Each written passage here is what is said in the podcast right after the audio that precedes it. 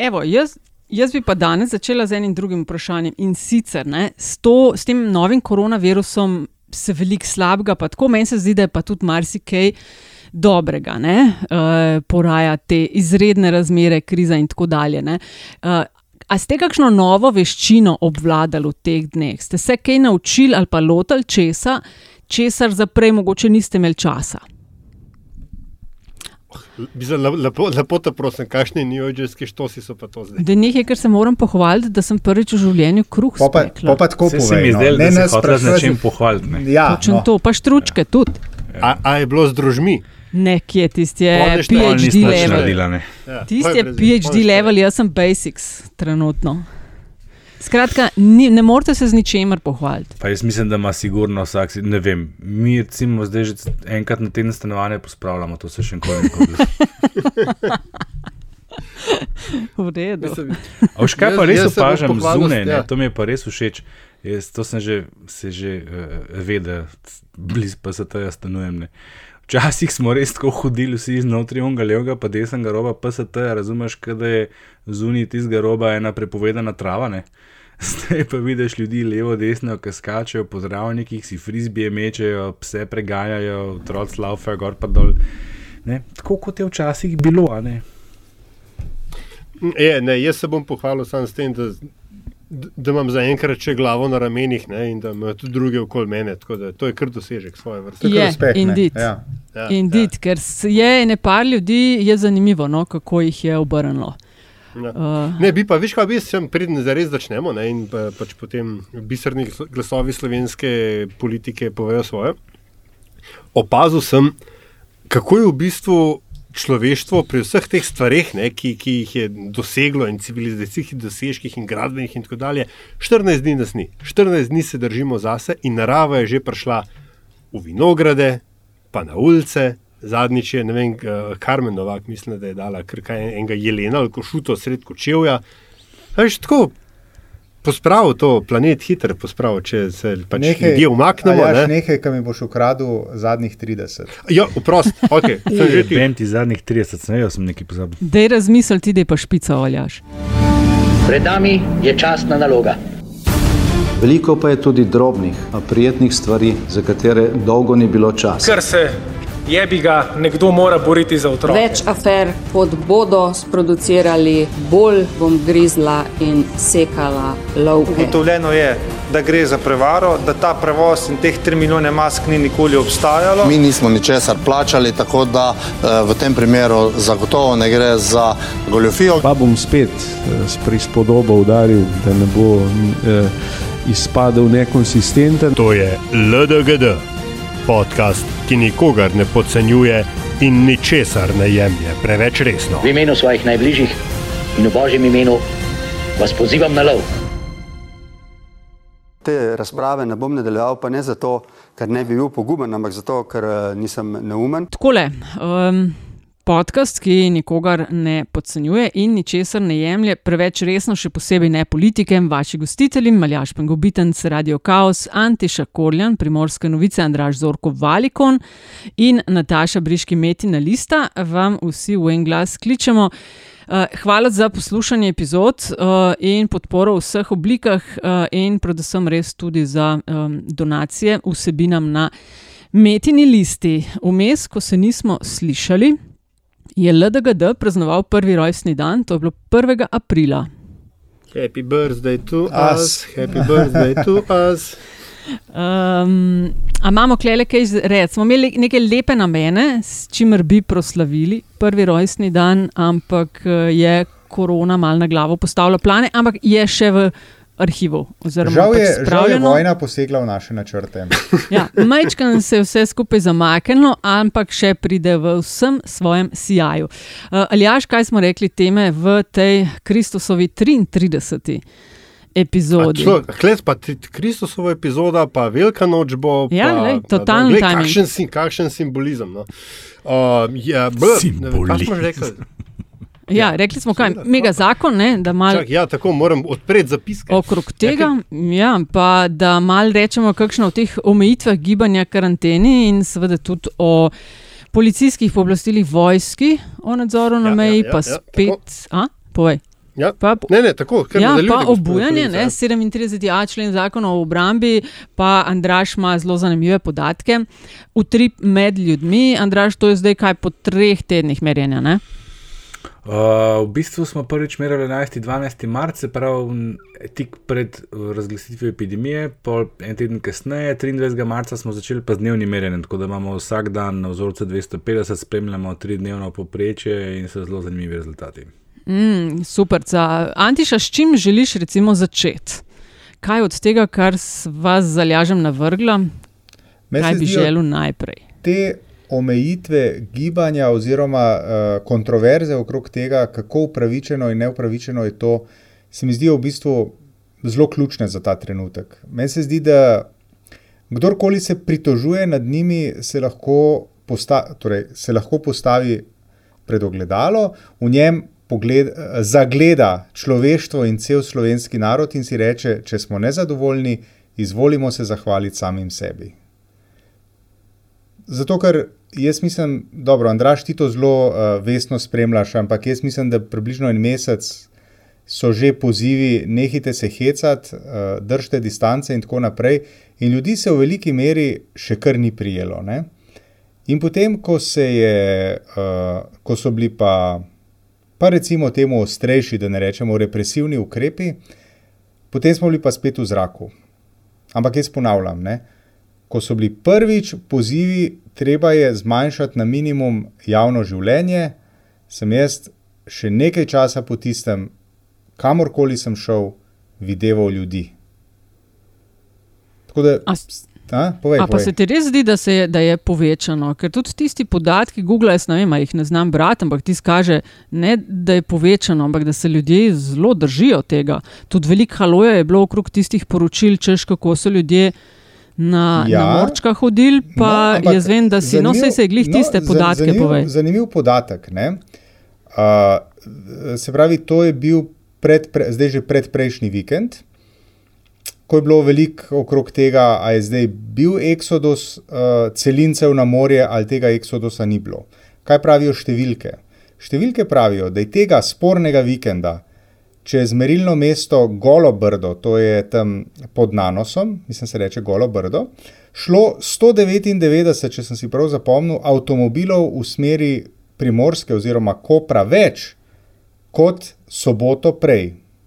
Se pravi, podatek o tem, da je, da je bilo nekaj več prometa proti morju, očitno drži. Moja Martiša, izkušnja. te bom ustavil, res Moja da izkustvena. polje. Kaj? Dej kar povej do konca, Ne, ne, Antiša. no, Uh, povej, bi no, pa, okej, bi pa še to povedal, da sem pa, da sem pa, ne, da un dan sem šel, pa sem pač šel uh, uh, po Portorožu, um, nikjer nikogar in meni ves vikend ni bilo jasno, o čem se zdaj pogovarjamo. Potem številke so pokazale, pač zdaj lahko je šel kdo tudi na kras, en del jih je šlo na kras, gotovo ljudi, en del jih je šlo lahko v Brkine, na Kozino, kam v Lirsko bistrico, kamorkoli, a ne. Um, to ne pomeni nujno tega, da so vsi ti ljudje končali v Portorožu, da se razumemo. Ampak številke pa pravijo to, kar sem, uh, kar sem povedal. Andraš, izvoli. Ah. Šta sleduje? A veš, številke pa ne. Pe- No. Epidemiologi pa tako. Ne moreš več tako, ni tako enostavno, ker je tle en kup enih faktorjev, predvsej daljša časovna vrsta bi mogel imeti, pa vreme upoštevati, pa tudi končno fazi to, kar si sam rekel, kam so šli, pa kaj so pravzaprav ti avtomobili res bili, a ne se ne vemo, a so bili to družinske vecele noter, a so bili kombi, ki so razvažali eh, hrano okrog, ne se ne veš, veš to. Ampak jaz mislim, da je tle treba dve stvari ločiti. Koliko ljudi je šlo domov in koliko ne se zelo lepo vidi, po eni strani imamo zdaj te Googlove podatke, ki so sicer mičken omejeni, ampak se zelo lepo vidi in uh, nakupovanje prve, prve večje, druge večje zaloge hrane in vice po 13. Marcu, kako drastično pade obisk vseh stvari in kako narast, naraste, uh, se pravi, nahajanje v, v domu. Ne. In je čisto jasno, da je velika večina to spoštevala, do- do- spoštovala, določeni pa pač ne. Jaz mislim, da je tle spet bil en problem senzacionalizma. Veš, eno, da ti rečeš, nekateri ne spoštujejo, pa so vendarle šli na morje, pa, pa so lahko posnetki to pokazali ali pa ne. Ne, kolega Antiša nam je poslal fotografijo parkirišča izpod auditorija, če se ne motim, Antiša, Ja, to to. ja, ja, ki ga Ki nikdar popolnoma v življenju- prazen, V življenju ga nisem videl praznega. Ne? A veš, no, Tokrat sem drug ga. Ne? Pa, tako, ne, en drug medij je pa poročal o Exodusu. To, to, je, to je tipičen senzacionalizem, ki nobenemu To ne koristi. fotografijo smo tudi objavili, Tako, ker se mi zdaj, zdela ne, zelo pomembna. A veš, ta zadnji vikend ne, na Twitterju, ko je bilo pa ogorčenje nad ukrepi, nad zostrovanjem, ki so sicer res precej ostri, eh, smo pa že spet lahko, se je pa že šir začel, češ policija legitimira ljudi na PST-ju. Ja, kaj pa uno staro pravilo, ne, Pixar didn't happen. Ne. Jaz sem bil na PST-ju dve ure, enega redara, enega policaja nisem videl. Tako da to je čist navadno napihovanje, ne. razlika med percepcijo in dejanskim stanjem. Ne. Pač ne smeš samo kar, kar vidiš, posredno, raje verjemi tistemu, kar vidiš v živo. Številke so pa dost, dost jasne. Ne. Ni bilo nobenega eksodusa na prejšnji vikend, eh, bilo pa je bistveno manj ljudi zunaj tudi ta vikend. Še, še bolj smo se not zaprli, to je čist jasno. Eh, In, in eh, s tem narašča pa tudi, seveda, nezadovoljstvo zaradi tega. Ne. Obstaja, Andraš, obstaja upgrade tega, kar si rekel, eh, ne verjemi vsemu, ali kako si že rekel. Ne? Uh, obstaja upgrade, ki se mu reče: ne verjemi ničemur, kar prebereš na družabnih omrežjih, ker uh, tam je vedno več, vedno več fake newsa v najslabši možni podobi. No, mislim, če ti jaz objavim graf, pa že lahko temu verjameš. Ne. Govorimo, ne, govorimo, Ne, ne, govorimo o drugih stvareh. veš, Komu ne, govorimo- a veš, pa kaj piše, res, sej, sej, Govorimo točno to, kar, kar si rekel. Na PST-ju legitimirajo ljudje. Kdo Ja. kje? Ne? Ja, daj mi Jaz- sliko mi pokaži, da vidim, da je to Kot res. rečeno, jaz sem bil včeraj po Kopru približno in okolici tri ure s kolesom, jaz nisem videl enega ne policaja, ne, Točno to. uh, ne, ne uh, tega redarja občinskega. Kar seveda še ne pomeni, da se to ni zgodilo. Dejstvo pa je, da če bi bilo to zelo pogosto, bi se zelo verjetno zgodilo tudi meni ali pa tebi. Zato gre. ne. Ta, ta, to je ta diskrepanca med, med, med fakti, pa med percepcijo in govoricami. Ne. Veste, kaj vam jaz mogoče klej kot, kot uh, kost zaglodati, ne, bi uh, navrgel. Um, to razliko med, oziroma to, pa smo mogoče o tem smo že govorili, ne, to toplo-hladno komuniciranje. Ne. Po eni strani smo, ne, je nacija pohvaljena, ker ne gre, pa je dobro, ne, stvari imajo nek ugoden trend, oziroma ta, ta trend rasti je počasnejši, kot so bili neki črnogledi scenariji. Po drugi strani je pa treba pač ukrepe zaostrovati. Uh, in spet, uh, kaj je bilo včeraj, včeraj no, snemamo v ponedeljek, snemamo, ne, je, je um, glasno govorec COVID-19, Kacin, rekel, da še ne 14 dni pa bo. Ne. Veš, tako skozi mic po mic se mi zdi, da se, da se uh, daje. Um, da se nalagajo te, ta bremena ljudem, ne, ko se jim zdi, da že vidijo luč na koncu tunela, in mogoče tudi to potem uh, pridoda k uh, nezadovoljstvu in godarnjanju, in mogoče tudi pretiravanju. ne, Pri čemer um, moraš vedeti, da je tega nezadovoljstva še vedno manj kot zadovoljstva. Ne? Uh, tako so kot recimo nekateri mediji so povzeli samo en, eno številko tiste, ki smo objavili pred, pred dnevi, pa ki je v zadnjih To sem dnevih te hotel, pa ja, tudi narasla. Ne? A veš, tudi mi smo res napisali v glavi, ne, petina, ne, da jim je, so mi prestrogi, ampak v sporočilu je jasno razvidno, da je pa še vedno več kot polovica prav, da so ti ukrepi ravno pravšni. Je pa res, da je trend pa zelo jasen. Ne, v dobrem tednu, se pravi iz vikenda 27-29 marc, tistega vikenda, ko naj bi bil Exodus, ne, ko je bilo razmerje na obalo, je bilo razmerje med ukrepi so premalo strogi, pa prestrogi 9 proti 1, se pravi. Res huronska velika razlika. To se Da so zdaj, premalo strogi. da so pre, da, v korist, da so pre, eh, premalo strogi. Tako je, ja, 46% premalo, eh, premalo strogi, ja, 9, 5% da so prestrogi. Ne. To se je ta vikend obrnilo in uh, na včerajšnji dan, se pravi, poprečje za petek, sobota, nedelja, je zdaj 29 so prestrogi, pa 21 so premalo strogi. Ne. Ampak še vedno imaš pa 50 odstotkov ljudi, ki pravijo, da so ravno pravšni. Skratka, za večino je to še vsem spremljivo.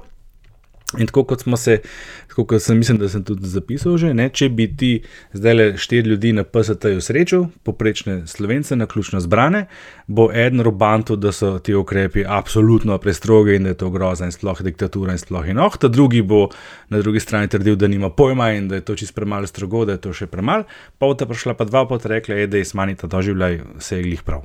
Mm, se mi zdi pa ta lažava istočnica vseeno uh, zelo fajn, ker je pa veliko bilo pripomp. Ne vem, če ste ujeli pa danes ali te dni tudi intervju Čeferina, ki je o tem, o komuniciranju teh in strogih ukrepov, in koliko časa bo vse skupaj uh, trajalo, čež da v redu ljudem povemo, kaj vse bo treba delati, ampak dajmo hkrati tudi neko luč na koncu tunela kazati. Dajmo kaj pozitivnega, dajmo kaj pohvaliti.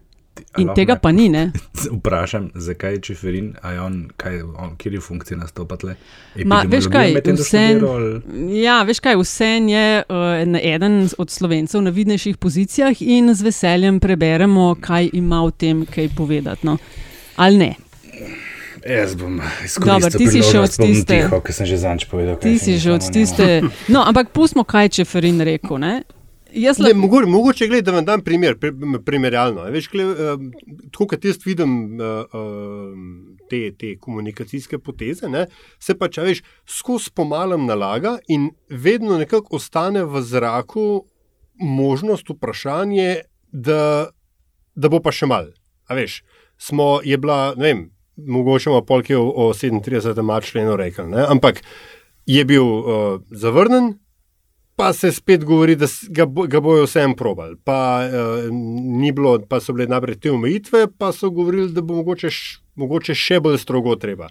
Pa je bilo podaljšanje, pa zdaj spet še za 14 dni se govori. Recimo V. Luksemburgu, ne? Ne? A veš, v Luksemburgu je pa tako. Trenutno je komanda do 3. maja. Ne? Včeraj, se pravi, za en mesec naprej je prišlo povedano, da do 3. maja je, smo noter.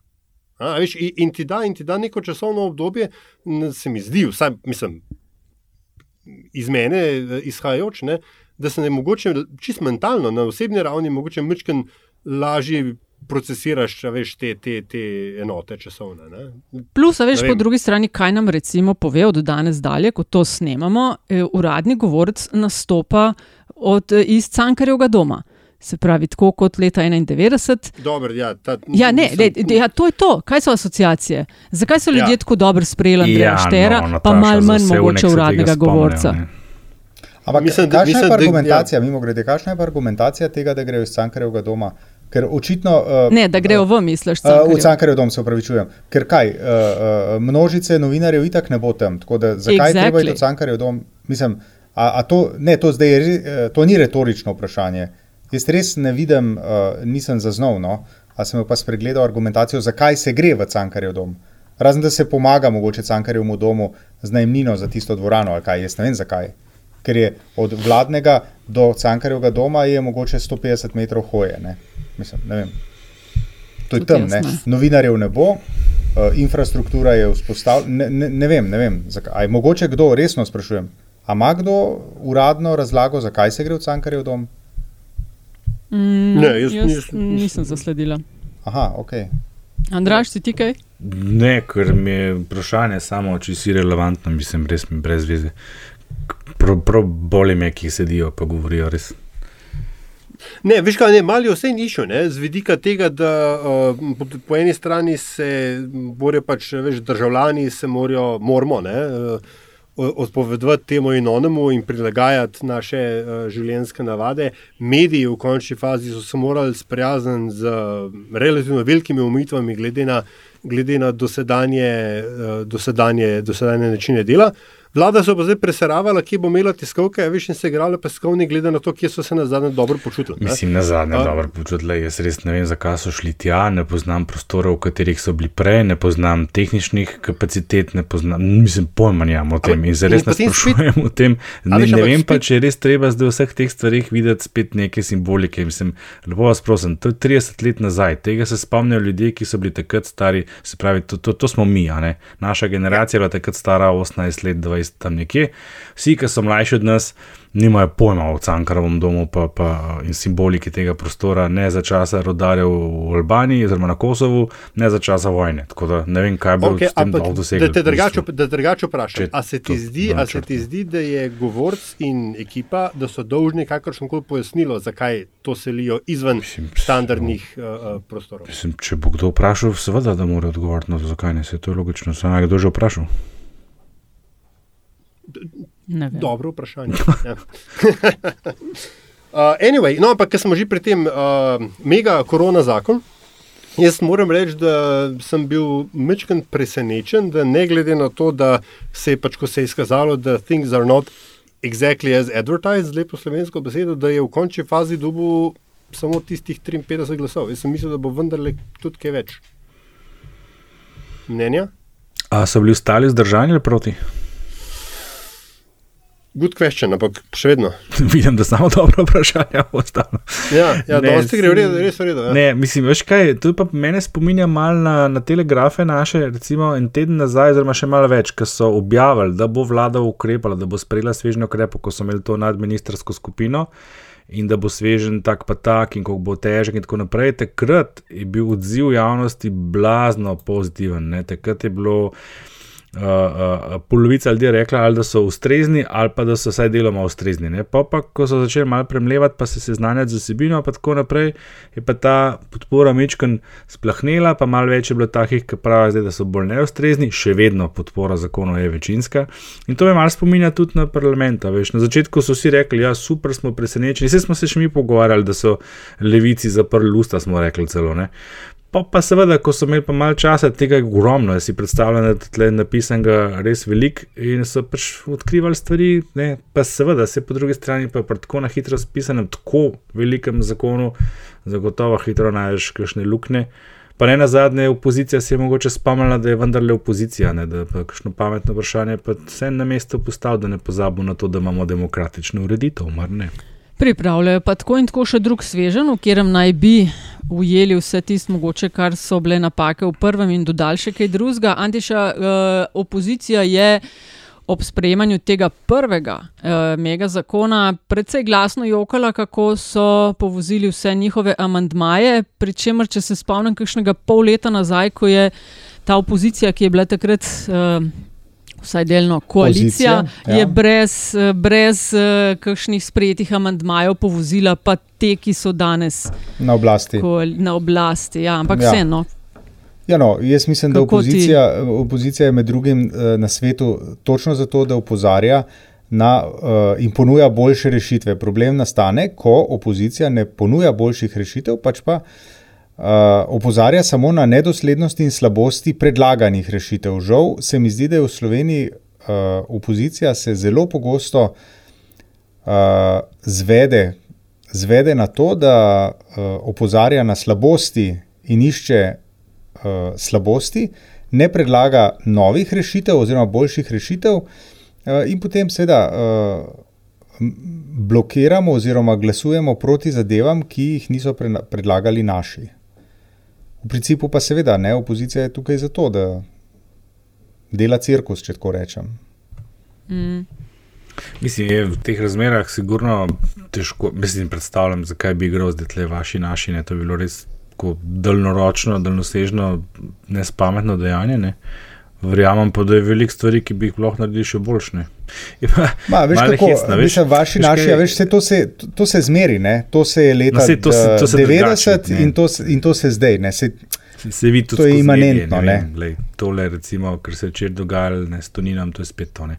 Ampak to sem hotel reči. Uh, ta svežen zakonov je tako socialen, pa tako lev, se še sam Janša rekel, da takega posega države še nismo videli. Ne? Tako da, veš, leva opozicija mu težko uporeka, ne? to hočem povedati. Če se je sam skliceval na vidno roko države, ne pa veš, ja, no, mislim, lej, se, se, satiriku njemu se spet zbudune.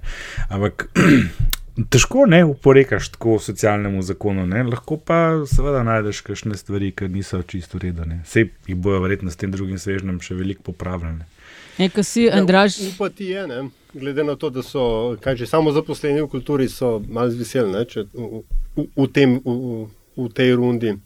Ampak ja, gledaj, sej tukaj, ja, veš, ni, um, tako kot se reče, Andraš, ne, mal je, um, sem ravno z vidika vsebine zakona, sem pač presenečen, da ni dobil širše podpore. Ne glede seveda na, uh, in mogoče pač to del, del te zgodbe, ne, na 103 in 104 člen, ki sta bila pač um, z večjih, kro, večjih virov precej, precej raztrgana ne, in potem v končni fazi tudi, tudi v velikem delu amadmirana in umaknjena. To je tisti Ta. del, ki je Hojs govoril, da je usklajeno z informacijsko pooblaščenko in sindikati, pa se je izkazalo, da.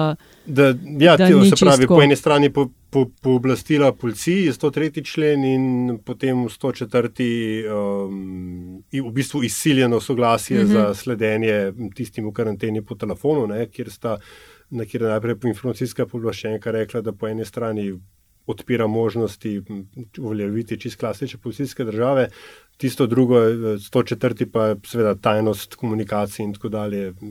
Tako, ustavno sporno, mislim, da so vsi pravniki, ki so to pogledali uh, in v državnem zboru in sicer uh, strokovnjaki za ustavno in siceršno pravo so, so se malo zgrozili nad vsebino teh členov in potem tudi nista dolgo zdržala v takšnem. Janša je se mi zdi takrat tvitnil nekaj v stilu prvič v zgodovini, da sindikat ne podpira ukrepov, ki bi.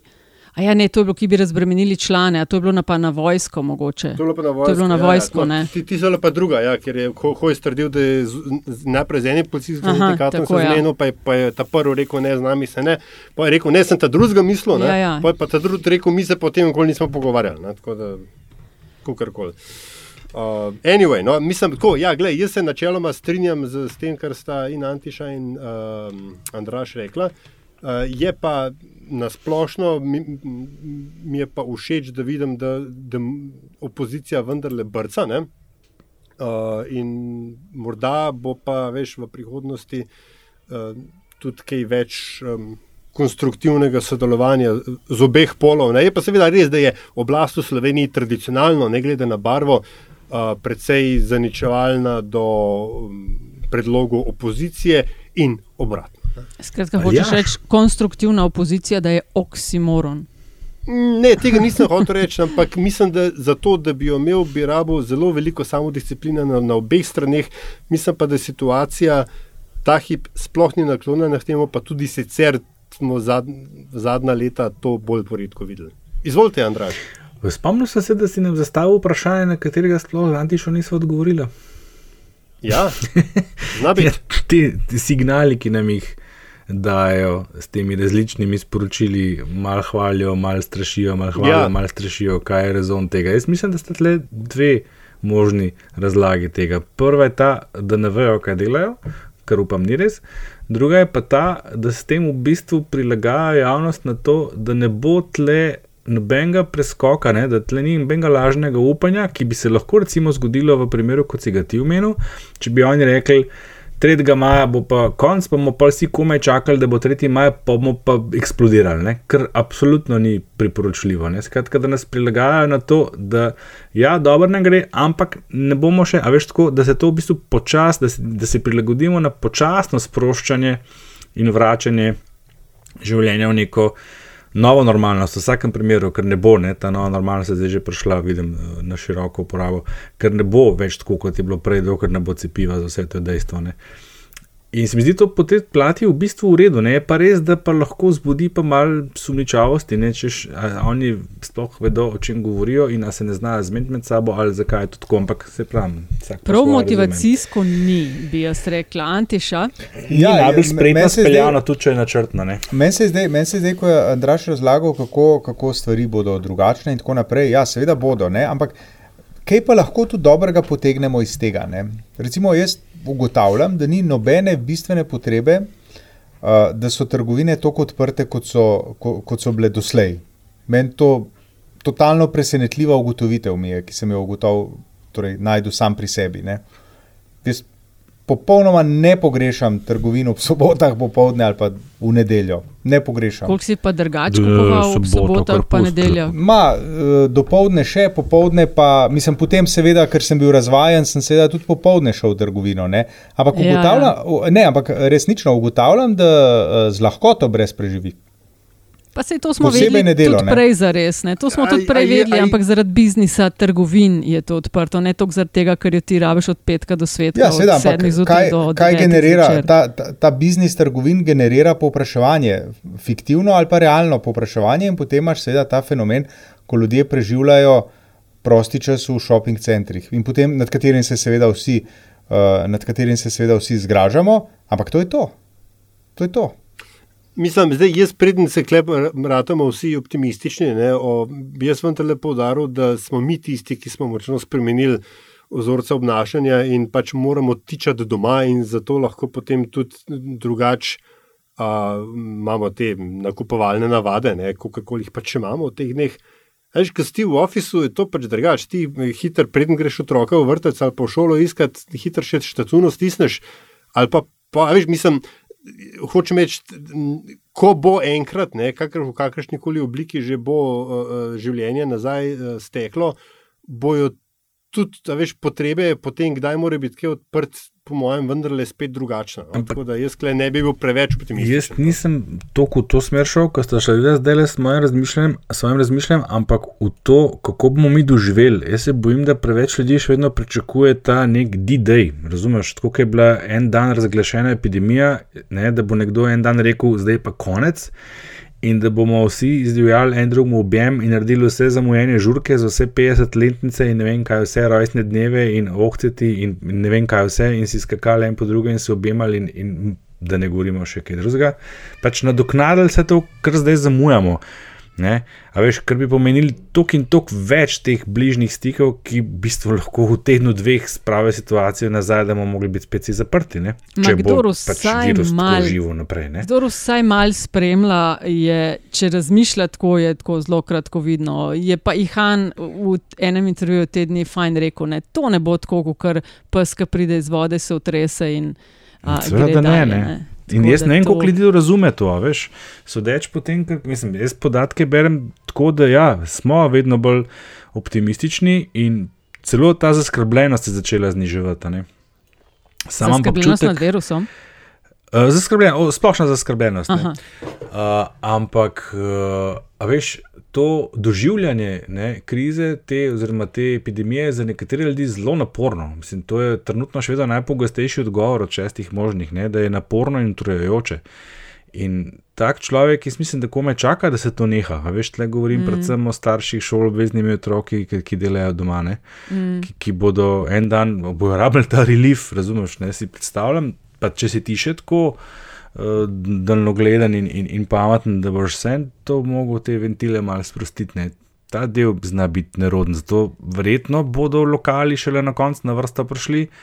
Pa imeli obveznost, ne vem, da mora imeti mizo 3 metre na razen. Pa pa vsi, to, no, to ja. bomo mogli si sprejeti, no, no, novi protokoli, ne, razkožila bojo na vsakem koraku, maske tako. bomo nosili. In tako, dokler ne bomo tako. rekli, uja, ok, se zdaj se pa ne širi, ne pa mogoče polet bo v redu, recimo, ne vemo oktobra pa ne vemo, ne, kaj se bo zgodilo. Ben ne ve, ne, lahko bomo imeli cepivo, lahko ga ne bo, lahko se bo potuhnil, lahko se ne bo. Mislim, zdaj, okay, veliko vprašajev je s tem uh, virusom, virusom, kako bo šlo naprej in kako bomo to zajezili. En, za moje pojme, še malce večje vprašanje je, kako se bo gospodarsko to vse skupaj razpletlo. Um, si pa, Andraš, prej omenil spet to naši, vaši in s tem primerom Tunina. Ne? Se mi zdi, da zaznavam, pa ali to pomeni, da se zadeve umirjajo ali ne, spet en kup prepucavanja pa naši vaši na RTV, pa VHO naši vaši, pa NIJZ naši vaši, pa resna in neresna stroka, pa pravi in ne pravi strokovnjaki. Da to je pa mal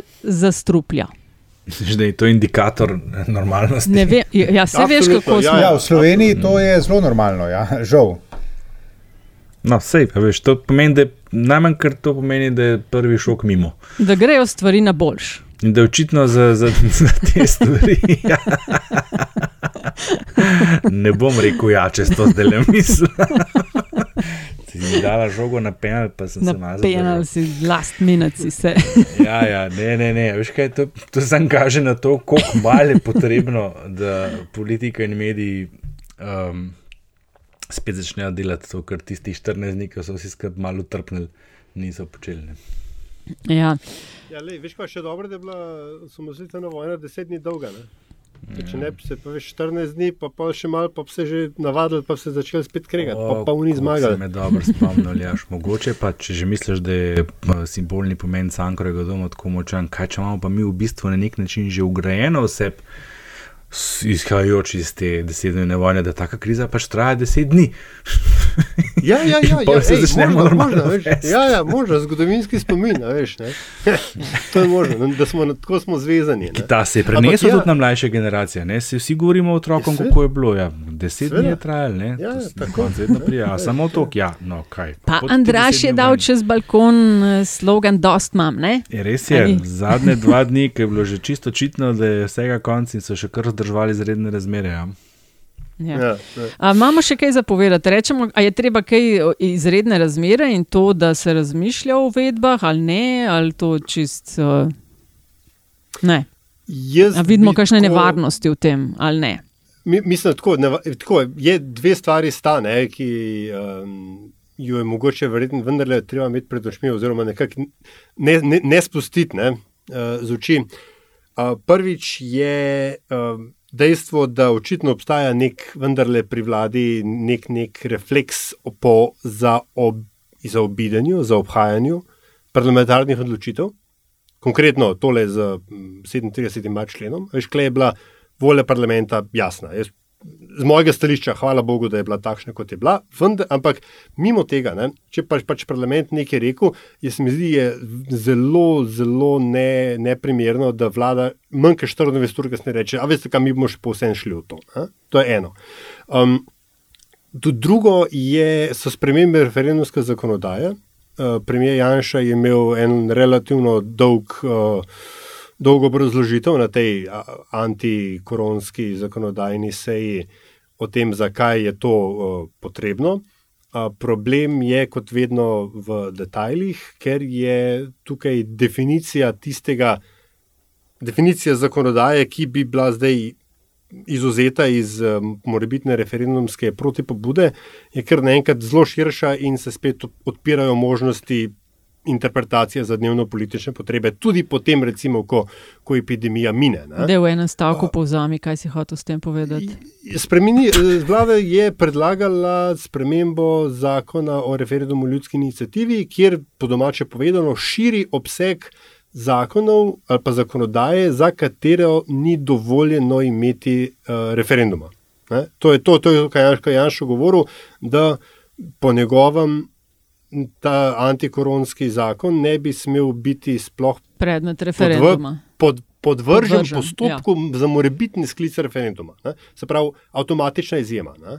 Uh, in zdaj, tako kot so pa oni v tem 21. členu, svetno je nek A člen, uh, zakona o referendumu o ljudski inicijativi zapisali, je pa to ena zelo taka čudna, široka, težko oprijemljiva definicija, ki, če bo šla čez, spet odpira možnosti za zlorabe ne, te, te, te, tega določila kasneje, kdaj potem tudi, ko bo trenut, trenutna kriza mimo. Ne.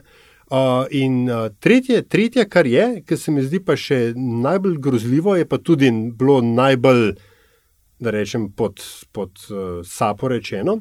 Na tej isti seji je pač uh, premijer Janša omenil, da je vlada, tako mimo grede, omenil, da je vlada razpravljala o tem, da bi prenesla parlamentarna pooblastila na sebe. In vem, da je par ljudi je takrat že malo trznil, jaz sem bil med njimi. Um, to, so, to so zelo težke stvari, kako bi, da bi parlament ne mogel sklepati, oziroma da ne bi imel pristojnosti sprejemati zakonodajnih odločitev. ne. Uh, to je povezano z uvedbo izrednih razmer, ne z možnostjo parlamenta, da se sploh sestane. Uh, Janša je to dal v kontekst uh, morebitne okužbe v parlamentu, ne. ampak uh, že sam to, veš, da je vlada o tem kao mal debatirala in se pol odločila, da tega zdaj ne bodo aktivirali, ne, se mi zdi tako mal uh, executive overreach, ne, s lepo Mhm. slovensko besedo. Tako da na te stvari je treba paziti. Ne rečem, da je treba zdaj dramo zganjati, ker še nismo tam, ampak treba je paziti in če hočemo tudi v smislu demokratičnih inštitucij prideti skozi to krizo relativno nepoškodovani. Sorry, dolg sem. Ja. Izjemno. Zelo lepo si to zapakiral. Uh, želite kaj dodati? Uh, bosta zaskrbljena? Vse Aljaš vse povedal. Ja, Okay. Sorry. Evo. Um, ja, nič, kaj gremo na 30, ali uh, želi. A smo, Andraš, glede sentimenta ljudi povedali, kar smo hoteli povedati? Pa mislim, da sem omenil te bistvene Ja, ja. spremembe, ki so se primerile. pa To, da, ne, sklep je zelo jasen. Ne? Počasi, počasi, tako kot, kot spoznavamo to krivuljo, da ni eksponentna, kot se počasi širi zavedanje, da nimamo izbruha, da, da imamo v bistvu lokalna žarišča, ki so problematična, tako se počasi tudi sprošča. Uh, ta sentiment, ki je še delač od tega, da bi mu lahko rekli sproščen, s to sproščenostjo pa prihaja tudi večja kritičnost, in vedno več bo takih glasov, kot je Aljaš. Uh -huh. Ja, gremo kaj na zadnjih 30 pol. Ma kdo kakšno željo biti prvi, zadnji, umestni? A, a... Po mojem je najbolj že Antiša, ker sem mu prej že skoraj ukradel eno. Dobro, ja, ja, ja um, to, kar je Aljaš na začetku omenil, je predmet ene knjige iz leta 2008, naslov je Svet brez nas. Jaz jo sicer imam in jo sem bral v originalu, je pa zelo zanimivo. Alan Weissman jo je napisal. Gre za, uh, gre za v bistvu špekulacijo na določenih mestih, pa tudi povsem uh, eksaktne podatke, empirične o tem, kaj se zgodi, ko na določenem območju ni več ljudi. Se pravi, uh, on navaja primere in jih analizira, recimo uh, korejska ta demarkacijska cona, kjer ni ljudi, kaj se je zgodilo tam z naravo. Mi zdaj v zadnjem času smo priča temu, da se kar neke koze potepajo po nekih velških vaseh oziroma malih mestih in tako naprej. In tako naprej. Um, tukaj imamo primere zbrane in uh, toplo, toplo priporočam. Skratka, Ellen Weissman, Svet brez nas, založila v hrvaščini založba VBZ. Super, priložimo. Andraš? Ja, jaz bom pa omenil en film, o katerem sem tako potiho, sem živo govoril, že nisem govoril, sem ga omenil že dvakrat na Twitterju, pa ni nekega odziva, ne vem, ali se ljudje bojijo ali ne. Jaz še kar čakam, kdaj bo na kakšnem programu pokazali film Contagion iz leta 2006, ki ima veliko velik elementov, ki jih vsebuje ta pandemija. Tokratna, se pravi 14 let nazaj, uh, vključno z netoperjem, uh, z hitrim širjenjem in tako naprej, tisti, in, in z zarotniki in, in zanikovalci in tako naprej. Jaz bi res, mislim, da zdaj, ko smo pa ven iz te faze strahu, panike, priporočal gled tega filma, ker je, ker je zelo, zelo. Poučen, delno vizionarski, seveda, par stvari je zgrešil. Leta 2006 niso še predvideli spona populizma, niso predvideli trotla za predsednika največje ekonomije na svetu in takih stvari, ampak uh, Je pa par elementov, ki so pa srhljivo, srhljivo podobni današnjim, predvsem zaključek, ki je izjemno, izjemno, izjemno poučen, mi gre kar kurja pa zdaj, ki se ga spomnim po telesu. Lahko jaz nadaljujem delo nadaljavo, oziroma od doma nas je v luči epidemije novega koronavirusa prisililo ali pa spodbudilo, da smo začeli uporabljati številna urodja in aplikacije, ki nam to omogočajo. Po Sloveniji je eksplodiral Zoom. Po svetu so šli v zadnjih tednih iz 10 milijonov na 200 milijonov uporabnikov dnevno, torej zelo uh, priljubljen, uporaben, ampak hkrati sporen servis. Vse, kar delate v Zoomu, je shranjeno, predelano in prodano najboljšemu ponudniku. Uh, priložim povezavo z nasveti, kako se lahko vsaj malo uh, zaščitite in uh, povezave na nekaj drugih servisov, ki so preizkušena in odlična alternativa, ker Zoom ima, kot bi rekel Miško, najboljšo tehnologijo za videokonference, kar jih je, a hkrati najslabšo zgodovino varovanja zasebnosti, kar jih je. No, da sem pa še jaz, ne vem, ali sem to že omenil ali ne, ker so zadnji tri tedni bili en tak blur. Ampak, eh, če sem že, mi odpustite, ker se ponavljam. Uh, bi pa izkoristil mojih 30 sekund, da bi um, salutiral ne, pokončno vsem, ki delate ali pa delajo v prosveti. Kar se mene tiče, po treh tednih šolanja doma, uh, sem zdaj mnenja, da morajo biti učitelji plačeni približno milijon evrov na teden.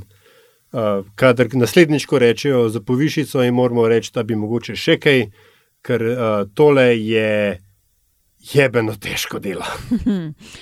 To je bil LDGD, podcast, ki nikogar ne podcenjuje in ničesar ne jemlje preveč resno, še posebej ne politike. Če se vam zdi, da smo povedali kaj pametnega, bomo zelo veseli, če boste povezavo na podcast delili uh, in more biti prispevali kaj uh, v naš paroček. Sicer pa hvala in do naslednjič.